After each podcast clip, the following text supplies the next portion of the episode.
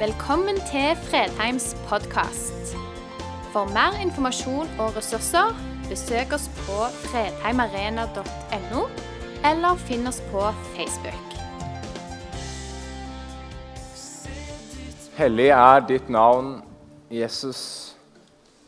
Jeg tror kanskje det er eh, Setter en grei inngangsport til det vi snakker om.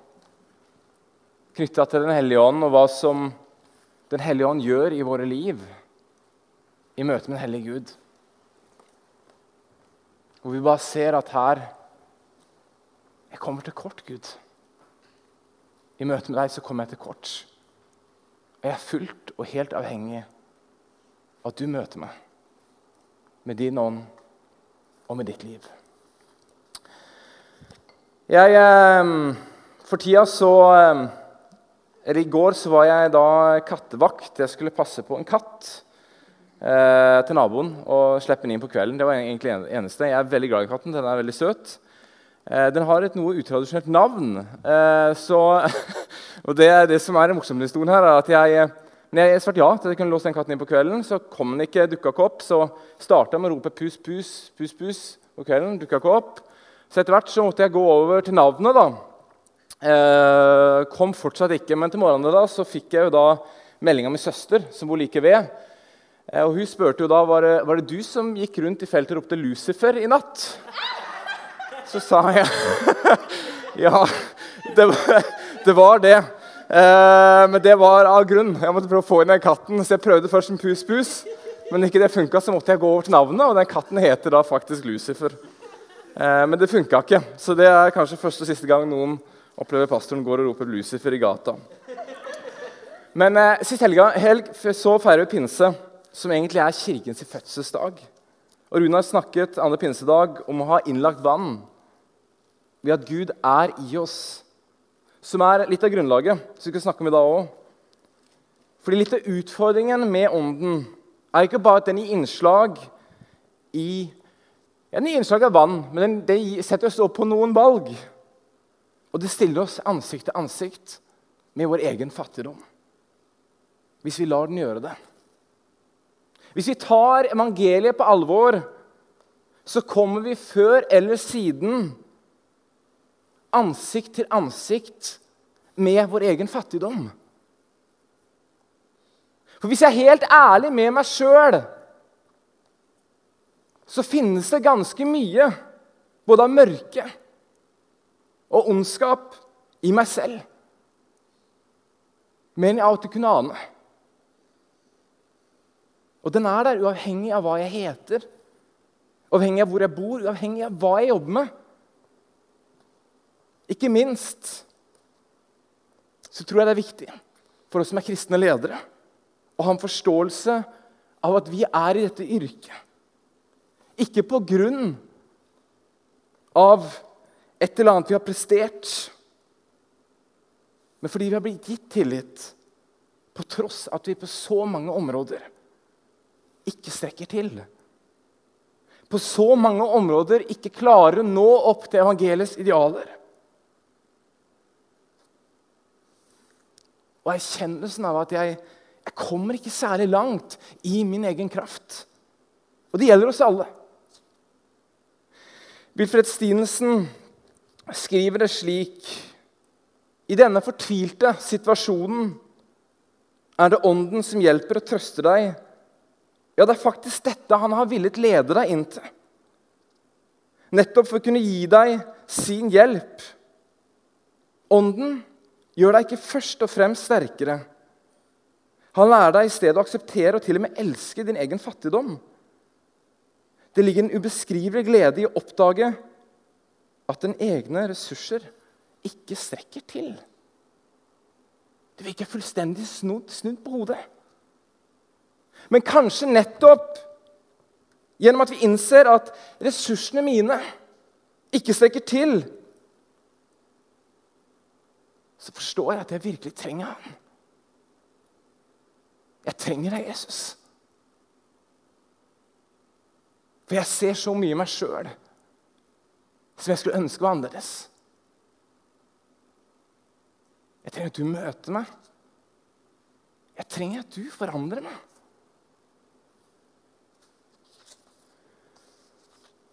Jeg tror tanken og troen om at eh, livet med ånden det er en stige mot himmelen som aldri tar slutt, det er et bomskudd. Hva var det som ble slått ned på allerede i første Mosebok 11? Var det ikke mennesker som prøvde å bygge seg et tårn som skulle rekke opp til himmelen, så de kunne skaffe seg et navn på jorden? Det var ikke spesielt populært da. Sannsynligvis er det ikke spesielt populært nå. heller.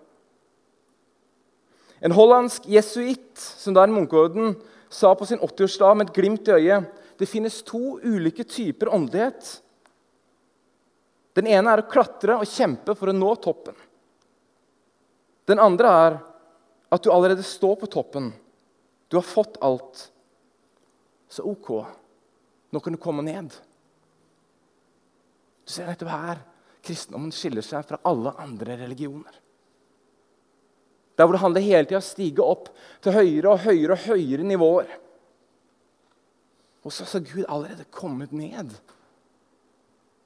Han er blant oss. Han lever i oss. Der vi er samla, så er han midt iblant oss. Han ber oss ikke om å stige opp, men han ber oss om å komme nær. Han ber oss om å følge etter. Jeg tror Den hellige ånd eh, lærer oss å forstå at nettopp hjelpeløsheten er vår store rikdom. Fordi i det øyeblikket vi forstår det, så strekker vi våre hender til Gud. Fordi vi trenger at Han kommer nær og møter oss der vi er. Avhengig av hvor vi er. Vi har alle erfart det. Ting i livet hvor vi bare kjenner at Her trenger jeg deg, Gud. Nå er jeg helt tom. Nå er jeg midt i en situasjon jeg kan ikke gjøre noe med. Jeg trenger at du kommer. Og så strekker vi våre hender. Kanskje strekker vi de hendene i fortvilelse. I kjeft og smell til Gud, men vi strekker hendene. Gud, kom, møt meg her jeg er. Jeg trenger deg.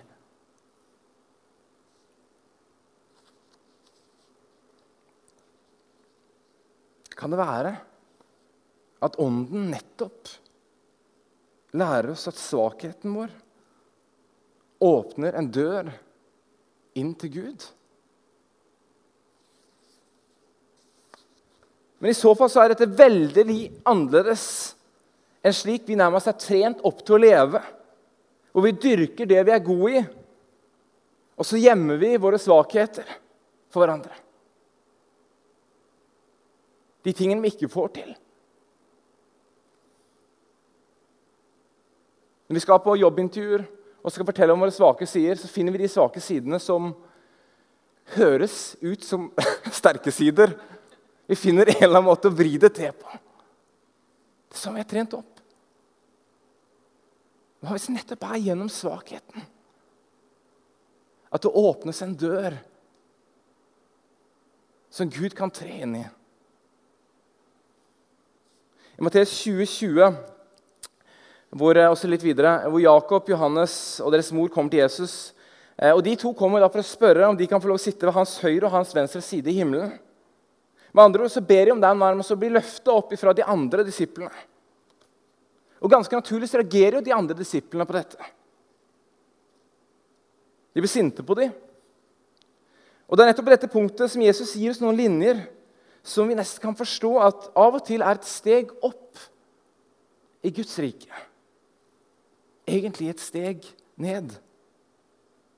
Men Jesus kalte dem til seg og sa, 'Dere vet at folkets fyrster undertrykker dem, og stormennene deres styrer med hard hånd.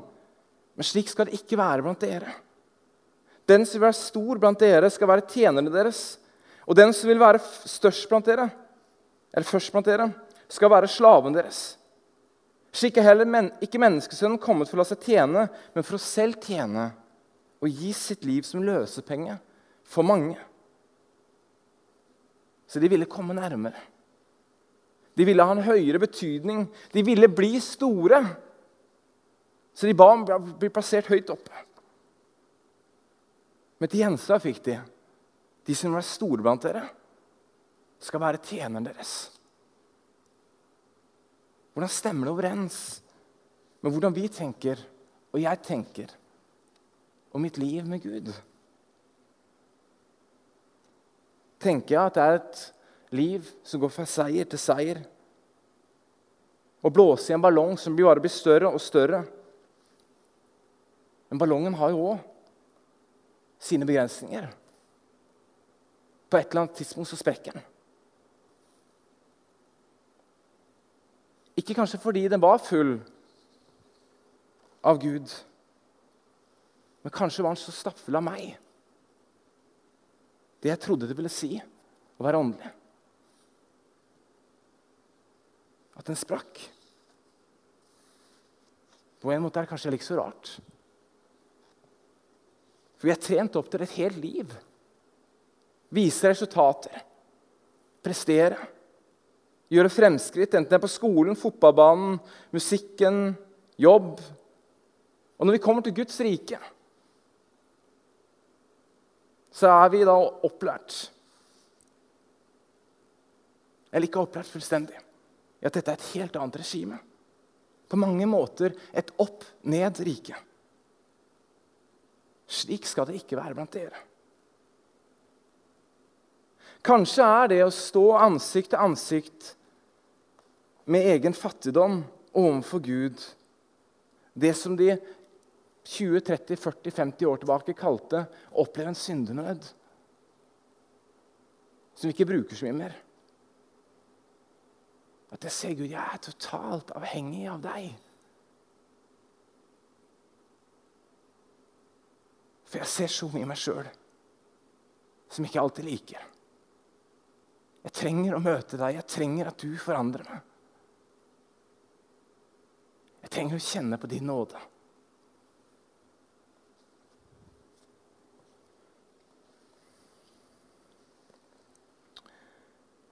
For noen av oss kan den opplevelsen være nærmest å gå inn i et åndelig mørke. Som kan gi en sånn det kan bli så dypt inngripende opplevelse av å være forlatt av Gud. Og skal gi en urovekkende bevissthet over, til, over tilkortkommenhet overfor Gud. Og Dette er jo da en tilstand hvor en kan komme og en kan bli frista til å gi opp troen. Lengselet, håpet etter Gud. Og således kan det gå en vei bort fra Gud. Men så er det også en mulighet her for at de erfaringene gjør seg når en står midt i de situasjonene, kan lede en nærmere Gud. Gjennom at en aksepterer der jeg er. Jeg kommer til kort overfor deg, Gud. Jeg trenger deg fullt og helt i mitt liv. Jeg trenger å tilhøre deg. Vis meg hva det betyr. Og Dette er en samtale som har pågått ja, i kirkens historie igjen fra starten av. Og vi hører mindre av det nå enn det det var de tidligere århundrene. For da gikk det stort sett veldig mye i disse tingene.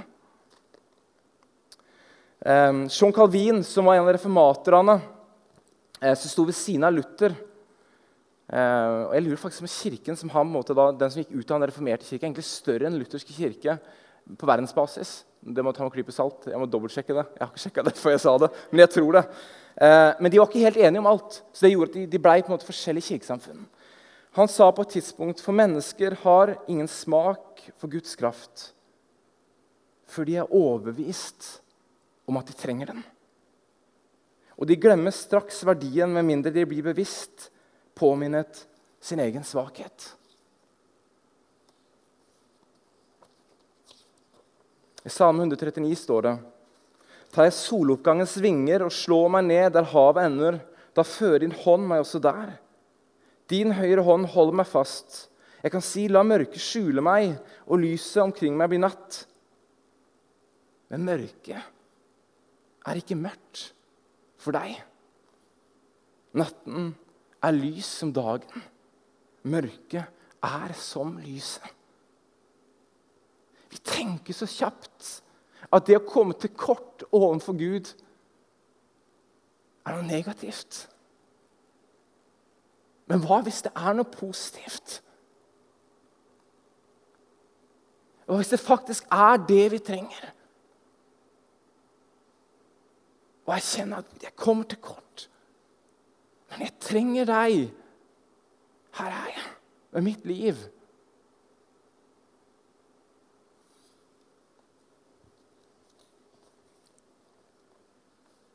Og Hvis det kan gjøre at vi ikke lenger har noe vi skal opprettholde At fasadene endelig kan falle. Jeg kan få lov å hvile i Gud.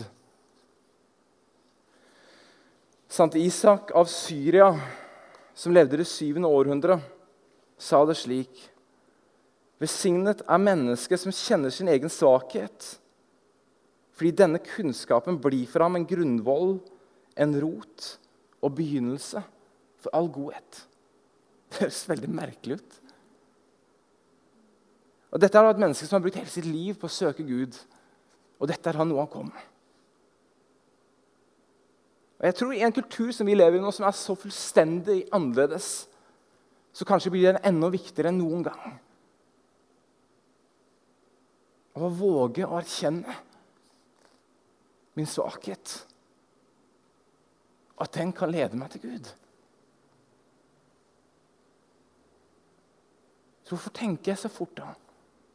At jeg skal bygge et Babylons tårn når det kommer til min åndelighet? Når Gud bygger sitt rike nedover. Hvorfor skal jeg bygge vårt tårn oppover? Har jeg misforstått hele konseptet? En mann var på vei fra Jerusalem ned til Jeriko. Da falt han ned i hendene på røverne. De rev klærne av han, skamslo ham og lot han ligge der halvdød. Nå traff det seg slik at en prest kom samme vei. Han så, men gikk utenom forbi. Det samme gjorde en levitt. Han kom, så mannen og gikk rett forbi. Men en samaritaner som var på reise, kom også dit hvor han lå. Da han fikk se han, fikk han inderlig medfølelse med han. Han gikk bort til han, helte olje og vin på sårene hans og forbandt det.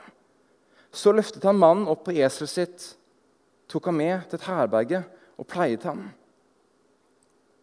Både de første som hørte denne historien, og vi vil jo tenke at det er presten som vet hvordan han skal møte dette mennesket som ligger der forslått. Eller levitten. Men det var jo ikke det. Det betyr ikke noe hvilket tårn jeg har bygd meg opp i livet. Eller hvilken åndelig status jeg har bygd meg opp i livet. Hvis det tårnet ikke samsvarer med det rike Gud har latt komme nær rundt oss. Og det rike han bygger, er et rike som tjener medmenneskene rundt oss. Hele poenget er jo det. Vi bygger ikke noe rike i det hele tatt. Men vi blir en del av det Gud har bygd og bygger. Og vet du hva det bygger nedover? Det gir rom for hvile. Og dere gir rom for å bare være i hans nærhet. Vi eh, ønsker at mennesker skal få se Gud gjennom vårt fellesskap, gjennom våre gudstjenester. Vet du hvilken gudstjeneste som virkelig får mennesker til å sperre opp sine øyne? så er det en type gudstjeneste hvor vi setter oss til tjeneste for andre mennesker. Frivillig. Fordi det er det vi er kalt til å gjøre. Ikke å være tjenere, nei, ikke å være herskere, men å være tjenere. Og Det kommer til å sette spor i menneskets sitt liv fordi det vitner om et liv som har blitt og blir forvandlet i møte med Gud. I, eh, jeg hadde egentlig tenkt å ha med en tekst fra Johannes 50, nei, Isai Isaiah 58, men jeg bytta den ut med en fra Lukas 18.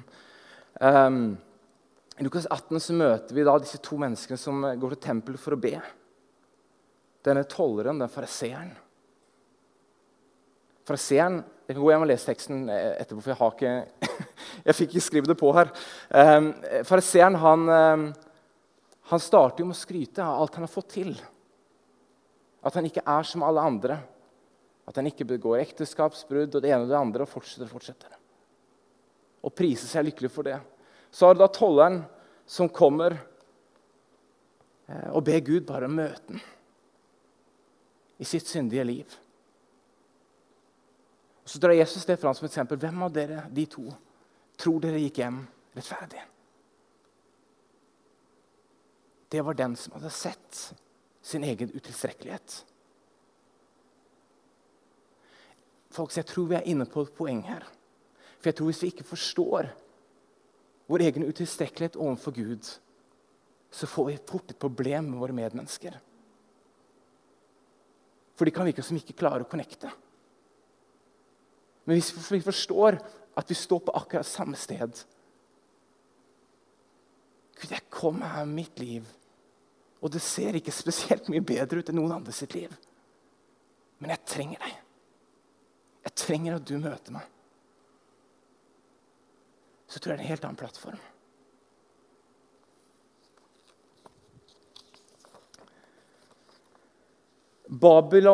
Babeltårnmønsteret er et bevegelse vekk fra bakken. Og den jordnære avhengigheten av vår skaper og opp mot himmelen for å selv ta Guds plass. Mer makt, mer penger, mer nytelse. Og I bakgrunnen av den klatringen, enten den er åndelig betinget eller ikke, så står det stadig flere fattige, flere lidende, flere marginaliserte. Der hvor Guds rike mønstre er en annet mønster som beveger seg nedover. For å frigjøre alt det han har skapt. En bevegelse nedover mot jorden. I enkelhet, fattigdom og fellesskap. Der livets rikdom ikke lenger tilfaller færre, men spres til de mange. I det riket er vi ikke konkurrenter. Vi er brødre og søstre. Og Gud er ikke lenger et middel for vår klatring, men en kilde og et mål for vårt liv. Og jeg tror hvilket mønster vi velger, fort bunner i om vi har kommet til kort med oss sjøl overfor Gud. Har vi fortsatt et eller annet vi skal bevise overfor Han? Eller hviler vi i oss at Han har allerede gitt oss alt?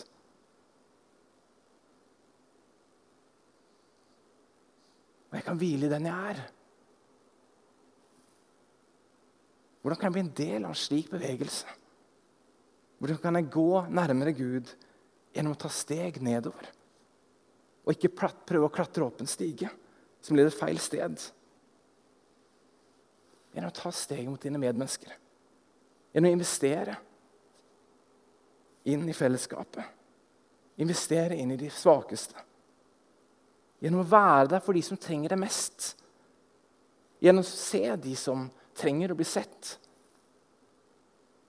Gjennom å være der vi tror Jesus ville vært. Det er det eksempelet han setter opp for oss. Jeg leser fra Filippbrevet 2.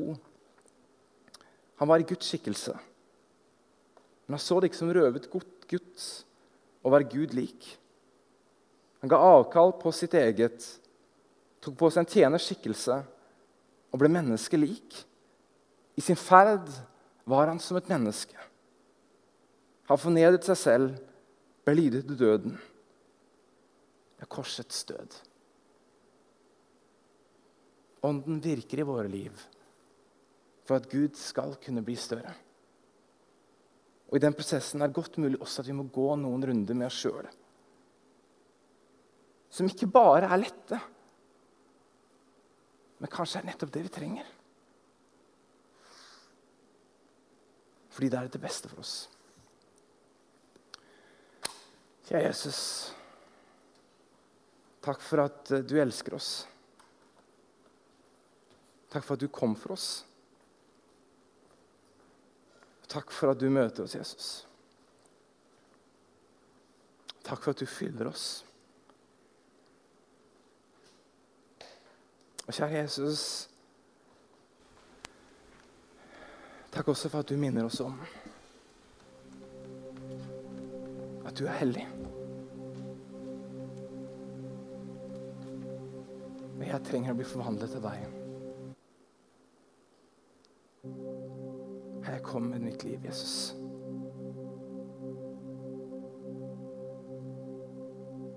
Far, hvis hjelp oss hvis vi har stener i våre liv som trengs å legges vekk. Eller vi på en eller annen måte har begynt å klatre en stige som egentlig ikke vi skal klatre. Men bare få lov å stå mot det, det du ønsker å gi oss. Og være der for fellesskap og for de rundt oss. Så ber jeg at du kommer nå og møter oss her med din Hellige Ånd. Ransak oss og møtes der vi er. Amen. Takk for at du valgte å høre på. Nye opptak legges ut hver uke. Vi har gudstjenester hver helg, og du er hjertelig velkommen.